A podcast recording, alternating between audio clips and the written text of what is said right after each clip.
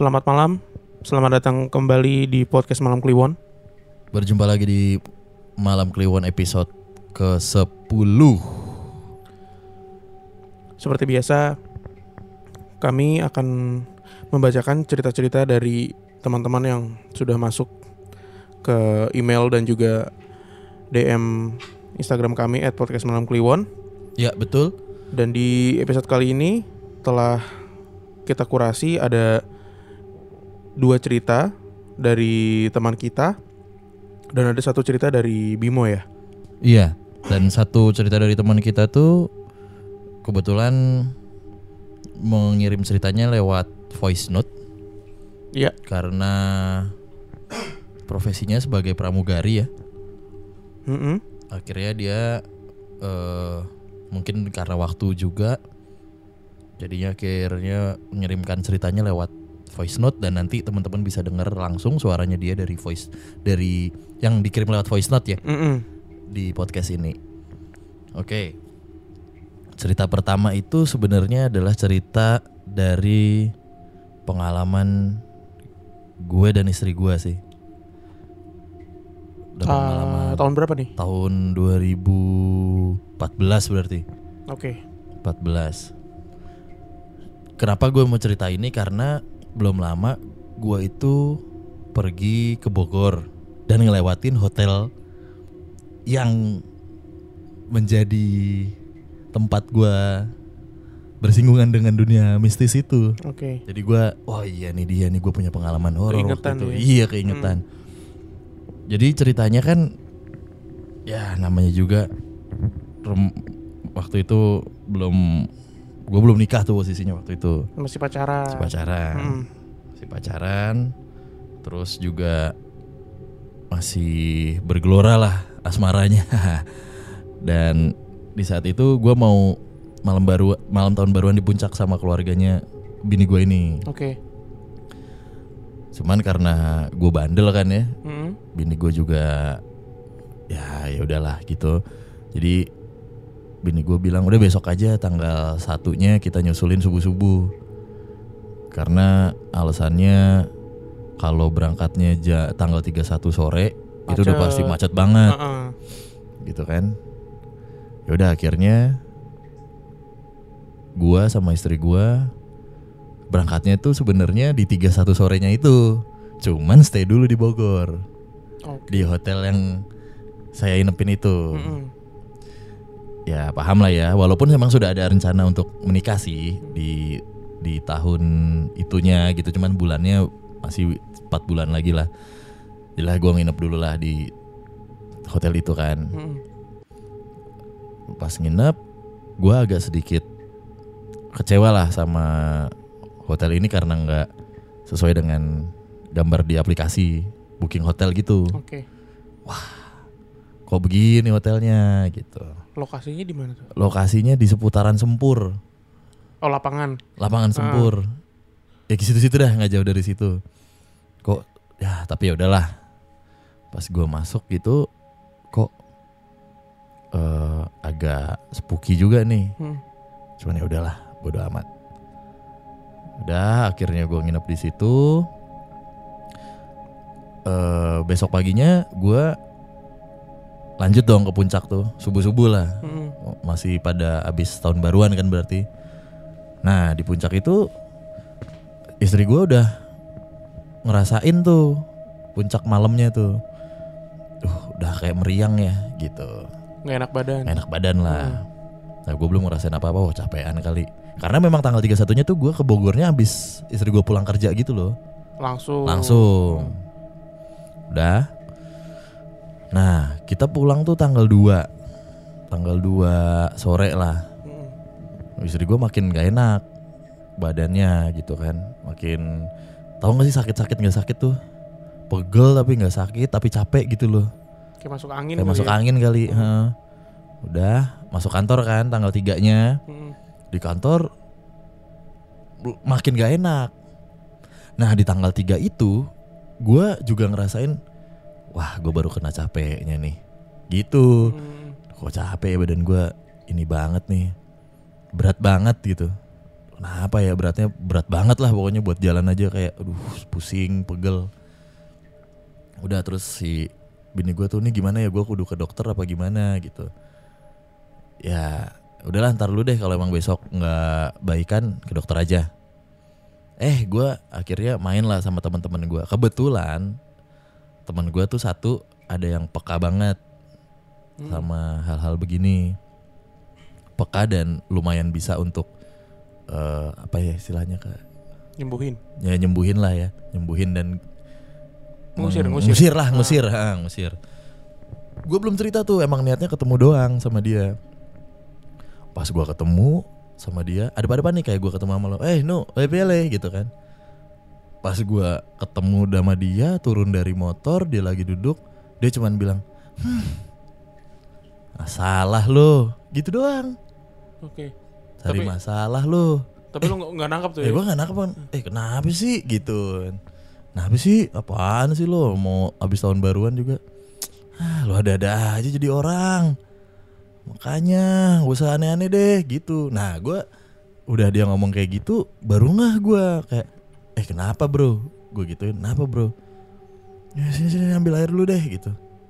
Ambil air satu Lo minumin. Nah terus lo beli Aqua lah gitu.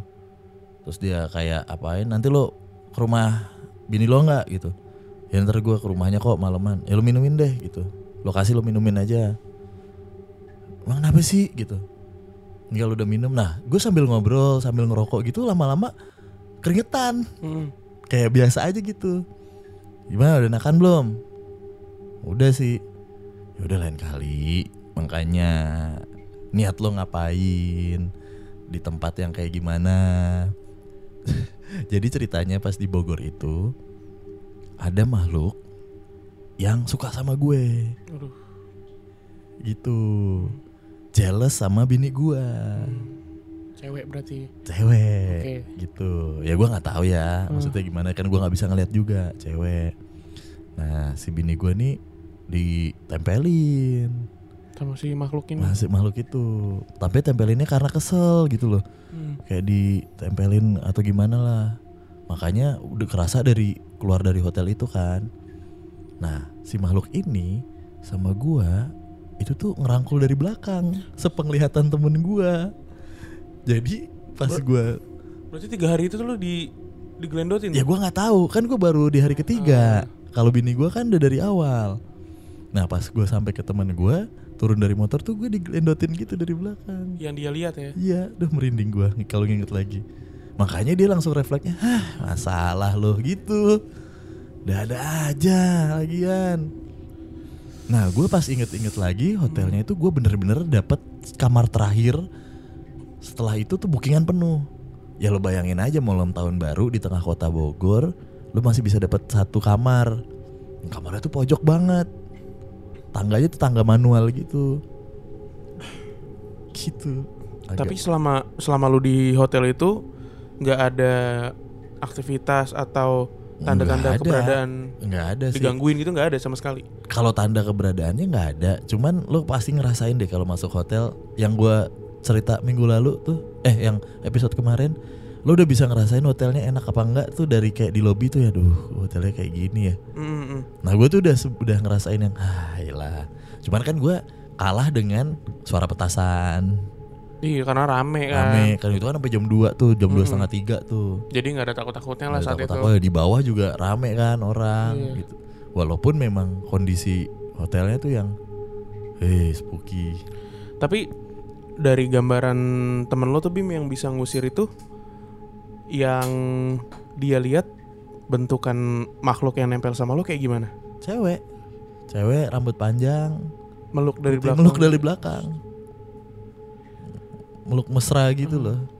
Di pundak gitu, meluk ke bawah-bawah. Hmm, Gua lupa ya, kayaknya ada film apa ya, film orang Jepang kalau nggak salah yang kayak gitu ya. kayak gitunya tuh ditemplokin gitu loh.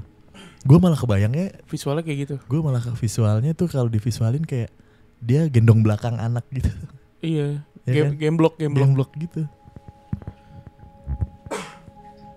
Waduh. gitu Tuh berarti pesan moralnya buat temen-temen nih jangan jangan bandel-bandel lah ya. Maksudnya Masalah- bener-bener sama ngeliat ya gimana ya gue Check in di hotel. Bisa jadi kontennya bercanda malah soalnya.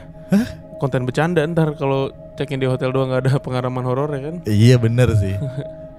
Cuman ya tapi biar gimana pun hal-hal yang gue alami ini sebenarnya kerap terjadi sih.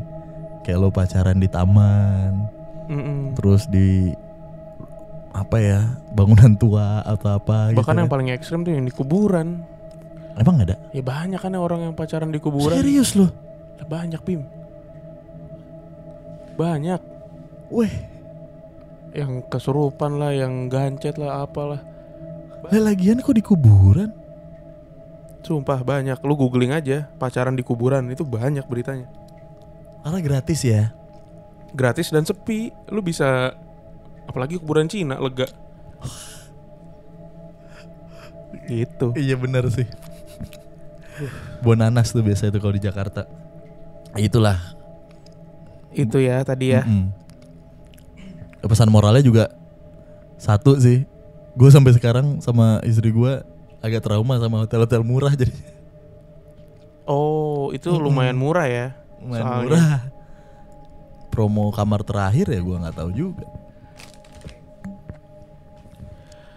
Oke, Yuk. kita lanjut eh membagikan cerita dari teman-teman kita. Tapi satu cerita ini eh, datangnya bukan dari DM atau email, datangnya tuh dari salah satu karyawan di kantor gua Bim. Mm-mm. Jadi eh, kantor gue ini letaknya ada di bilangan kuningan di salah satu tower gitulah. Nah, ada di lantai 33. Mm-mm. Di satu lantai ini itu terdiri dari banyak perusahaan. Jadi kayak coworking space gitulah. Ya. Nah, ada satu OB nih yang lumayan akrab lah sama gua, namanya Aldi.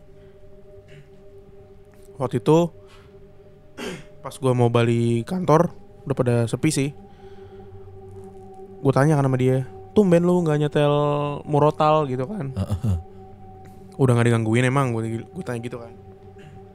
Kata dia, sekarang sih enggak pak, makanya saya nyetelnya ini nih Iwan Fals gitu sama Ebit GAD. Terus tapi baru minggu lalu tuh pak hari Jumat katanya. Wih kenapa nih dalam hati gue Wah konten nih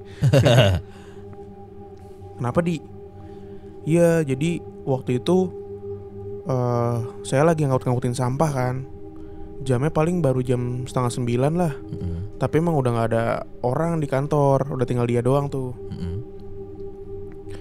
Ngaut-ngautin sampah udah beres Tinggal dia mau matiin mesin fotokopi Oke. Nah mesin fotokopi ini letaknya tuh ada di lorong gitu Bim Ada di lorong yang kalau lurus terus lu belok kanan itu ada toilet wanita tuh Nah pas dia lagi matiin mesin fotokopi ini di ada yang jalan di depan dia tuh mau ke arah belok kanan tadi ada sosok perempuan ya pakai baju warna biru laut gitu tapi eh, bajunya ini panjang panjangnya ngelebihin dari kaki bim Wih, oke. oke. sampai ngeglosor gitu katanya Oke, oke. Nah terus eh, dia habis mes- matiin mesin fotokopi dia jal ikut jalan kan si Aldi ini di belakang cewek itu kata dia tuh perawakan si cewek ini eh, kulitnya ini pucat bersih sih kata dia kulitnya bersih banget pak kayak gitu eh dia ikutin terus gue tanya kan jalan apa ngambang tuh Ngambang. Heeh. saya nggak bisa lihat pak soalnya kan ketutupan sama dressnya itu yang sampai ke tanah sampai ke lantai gitu. Nah terus si cewek ini belok kanan nih. Aldi ngikut kan belok kanan. Tet. pas Aldi nikung belok kanan gitu ceweknya udah nggak ada bim. Wah. ceweknya ngilang. Kaget kan dia celingukan terus kabur tuh dia muter sampai ke office lagi. Ngos-ngosan aja kan. Nah dia mikir kalau emang itu orang ya Heeh. terus masuk ke toilet wanita Heeh. itu pasti ada bunyinya karena pintunya kan otomatis tuh. Heeh. Jadi kalau ada orang masuk ntar nggak lama bunyi dek gitu. Oke. Nah itu tuh nggak ada sama sekali, nggak ada tanda-tanda kalau dia tuh masuk toilet. Terus Tapi di situ ada toilet ya, emang ya? ada emang ada toilet wanita. Oke, terus terus terus. Nah dia mikir saat itu kirain saya mah tamu pak katanya gitu. Mm-mm. Cuman kalau gua saat itu pas diceritain Aldi langsung kalau emang klien atau tamu gitu ya dan orang kerja ngapain sih Bim pakai baju yang ngerepotin lu? Kayak kondangan ya? Heeh, bajunya baju pesta gitu. Kata si Aldi. Malah ngerepotin lu jalan gak sih? Ya kan? Heeh. Ngerepotin mobilitas kalau bajunya sepanjang itu kan. Mau ke mana juga? Ah, mau ke mana? Udah gitu malam lagi kan di lantai situ nggak bakal ada event. Kalaupun ada event pasti di hotelnya kan. Iya. Nah, si Aldi ini karena penasaran hari selanjutnya tuh dia coba nanya ke orang yang di office Mm-mm. mau ngecek CCTV. Oke. Heeh. Mbak, saya mau cek CCTV dong kata dia gitu kan. Terus hari apa, jam berapa gitu? Hari Jumat sekitar jam setengah sembilanan. Oh ya udah nih, lihat aja. Gitu. Dilihat lah tuh sama dia kan bareng-bareng. Mm-mm. Nah di CCTV itu kelihatan si Aldi ini lagi matiin mesin fotokopi. Oke. Habis itu dia jalan, jalan. nah Pas belok ke kanan, kelihatan tuh di CCTV dia celingukan, terus lari. Jadi di CCTV sosok perempuan yang dilihat sama Aldi ini nggak Nggak ada, sama ada. sekali, nggak ketangkep. Wah. Wah bener dong berarti. Iya. Makhluk halus berarti ya, Cuman nggak ketangkep CCTV. enggak, cuman oke juga tuh OB lo ngejar. Ngejar si orang itu. Iya. Dia mah niatnya bukan ngejar sebenarnya. Ya tahu, maksudnya penasaran kan? Iya, emang rutenya dia tuh mau Oh, rutenya. mau, mau ke sana gitu. Pas banget di belakang cewek itu. Belok kanan, belok kanan, dia juga belok kanan, hilang di tikungan. Kelihatan lagi di CCTV dia celingukan gitu panik terus lari. Kesian banget ya. Udah. Itu sih. Oh pakai baju gaunnya gaun biru ya, Heeh. bukan putih ya. Bukan. Kata dia mah Terus gaun kalau kalau kalau Iya, kuntilanak kan jelas ya pakai baju putih terus Heeh. rambutnya aut-autan panjang Heeh. ini mah enggak bim kata dia rapi pak makanya saya kira tamu pakai baju warna biru laut gitu panjang sampai ke lantai ngeglosor gitu kayak dress pesta lah kata dia Ampun. Tapi bener sih pertanyaan lu jalan atau ngambang. Kalau ngambang tadi biasanya cepet tuh. Ser. Kalau orang tuh kayak ada papannya gitu bawahnya kayak naik skateboard gitu rrrr gitu ya. Iya. Oh, lumayan oke juga tuh kantor lo. Parah Bim, banyak sih sebenarnya. Udah berapa biji ya berarti cerita dari Paula ada, dari Tiga lah. OB ada, dari orang yang kerja di coworking space juga ada. Udah ada tiga itu. Tiga. Oke. Nah, untuk cerita selanjutnya yang tadi di awal kita bilang, kita akan memutarkan voice note dari temen lo ya, Nuk ya. Betul. Dari temen lo nama ada Instagramnya ya? Instagramnya at Putih Andini kalau nggak salah gue lupa Iya, Instagramnya. nanti kita kasih di caption. Ah, pokoknya dia ini adalah salah satu pramugari dari sebuah maskapai internasional, Oke. maskapai swasta. Dan dia mencoba membagikan cerita yang dia alami waktu di Afrika. Gue lupa negaranya apa. Ntar teman-teman bisa dengar sendiri. Sama satu cerita dari teman maskapainya juga, cuman dia orang Malaysia. Oke. Yang waktu itu lagi nginep di salah satu hotel di Jakarta. Gimana ceritanya? Langsung aja nih kita dengarkan voice note dari Putih. Apa kabar? Well, gue kirim voice note aja ya buat cerita. Jadi eh, waktu di Mombasa itu gue tuh baru bangun sekitar jam berapa? Jam 5 karena gue harus berangkat ke pulau yang lokasinya agak jauh jadi gue harus bangun pagi.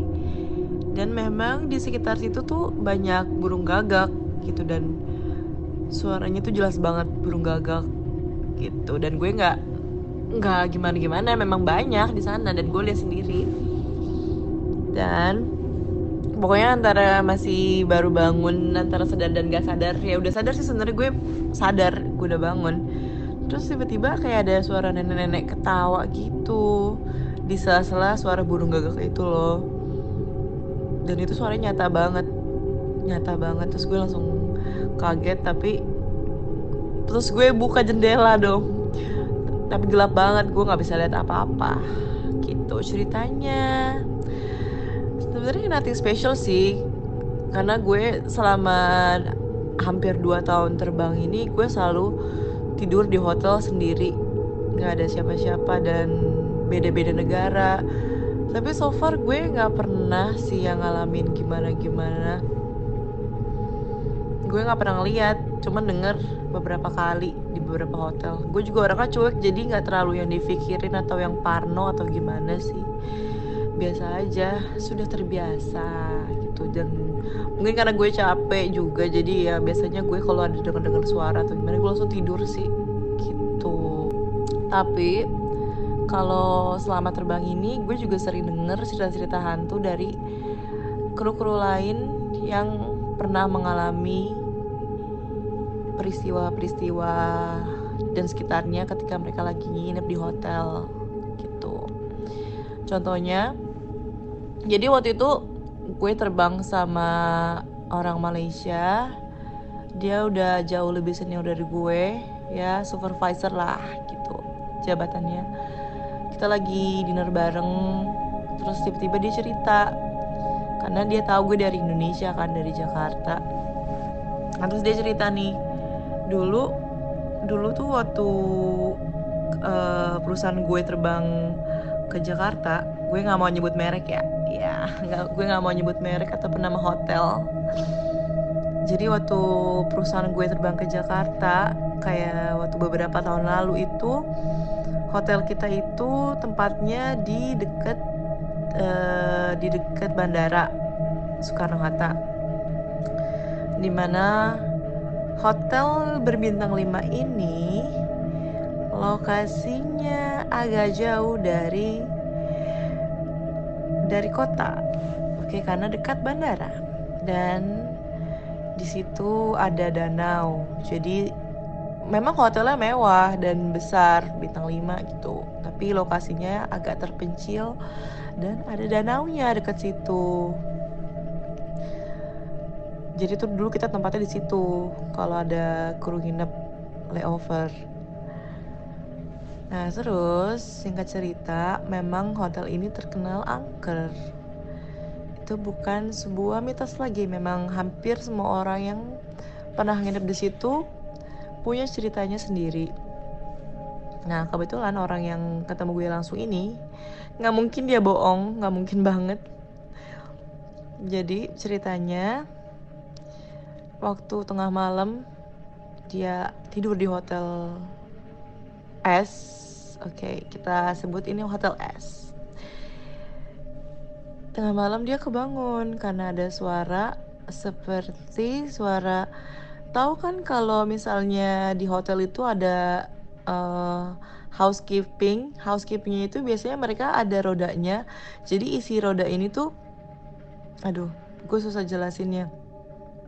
Intinya kayak ada roda apa ya kayak gerobak gitulah. Gerobaknya itu isinya kayak handuk atau perlengkapan-perlengkapan buat bersih-bersih atau buat replenish di hotel ini di kamar itu gitu loh. Kalau dia lagi mau misalnya ada yang check out terus nanti dia bawa itu di depan hotel buat bersihin kamar yang udah ditinggalin sama apa sama, sama tamu gitu yang mau check out Nah, oke. Okay. Nah, jadi tuh dia bangun nih tengah malam. Dia pikir kayak ngapain sih ada housekeeping tengah malam itu kayak suara gerobak didorong.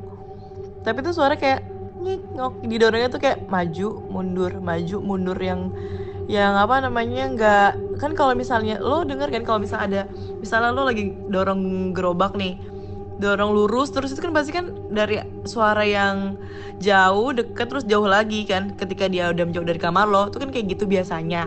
Nah tapi kali ini kok suaranya masih tetap di situ gitu tuh kayak maju mundur maju mundur kayak didorong ngedorong gerobak itu maju mundur maju mundur gitu. Terus kan si supervisor gue ini dong penasaran penasaran kan? Apaan sih itu? Akhirnya dia lihat nih ke lubang pintu yang ada di kamar hotel. Kan ada lubang itu pintunya.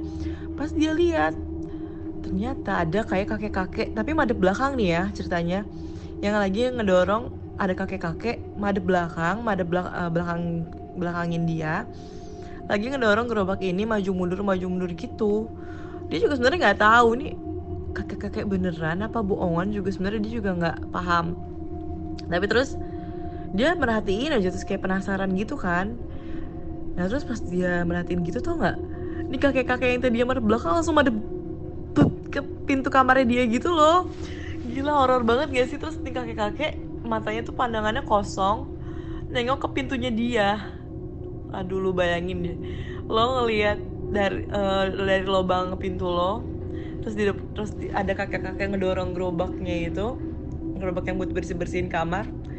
Terus pas lo ngeli lo ngeliat dari lubang itu tiba-tiba dia madep lo pep, mampus nggak lo? Kayak seakan dia tahu lagi diawasin ya kan? Nah terus pas si kakek-kakek ini ngeliat maksudnya ke arah pintu kamar temen gue ini oke okay, terus dia langsung hm, anjir apaan nih? Gitu kan. Tapi dia juga nggak nggak apa dan dia masih penasaran gitu. Masih penasaran.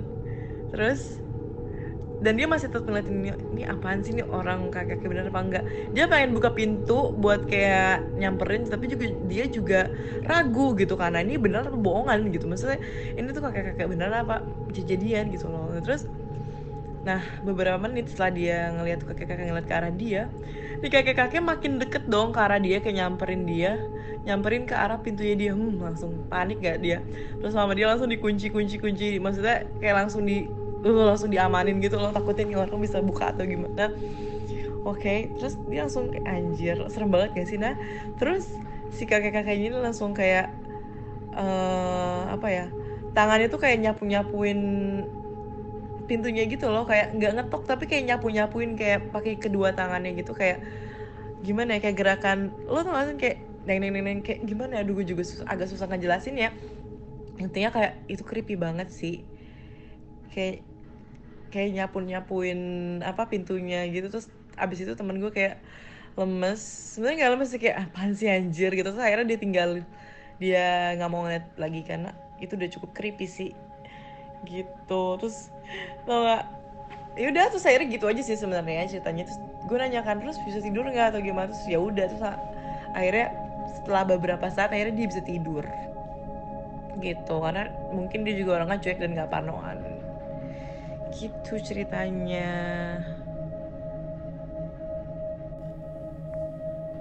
Oke. Aduh. Lumayan ya. Internasional juga punya cerita ternyata nih. Meskipun tapi lucu sih, bukan lucu maksud gue cukup apa ya di di Afrika tuh sebutan untuk Fudu. kun, kuntilanak tuh Eh, apa bukan. ya? Sebutan untuk kuntilanak ada nggak ya? Atau mungkin tampilannya nenek-nenek kah kayak penyihir gitu? Kayak penyihir kali Eh, ya. Mungkin ya. Itu terus cerita temennya sih yang Iya. apa namanya yang kalau lu ngalamin kayak di film-film itu mah kalau menurut gue ya Mm-mm. ngalaminnya da- dan dia ngalaminnya di Jakarta lagi di hotel itu tuh kalau teman-teman yang sering ke bandara itu pasti tahu deh hotelnya yang dimaksud Iya. tuh hotel apa Mm-mm. emang udah terkenal angker Oke. Terima kasih buat teman-teman yang udah mendengarkan episode 10 ini. Sekali lagi kita ngasih tahu nih buat teman-teman yang punya cerita, boleh DM ke kita. Atau email, emailnya juga udah ada di Instagram. Nanti kita bacakan di setiap malam Kliwon. terima kasih juga buat teman-teman yang selalu support podcast malam Kliwon sampai punya 1000 followers sekarang Betul. Spesial thanks kita juga mau ngucapin Heeh. makasih buat at dunia bercakap. Heeh, sudah support kita Betul. juga buat bercanda ya Mm-mm. buat Mas Yopi terima kasih banyak Bener. kalau gitu kita undur diri Sama satu lagi dong. apa tuh Over selingkuh. over selingkuh terima kasih juga buat adminnya meskipun kurang ajar tapi Kenapa gitu? sangat suportif lah Oh pasti dong harus ya. oke kalau gitu dan undur diri Bimo juga. selamat malam kliwon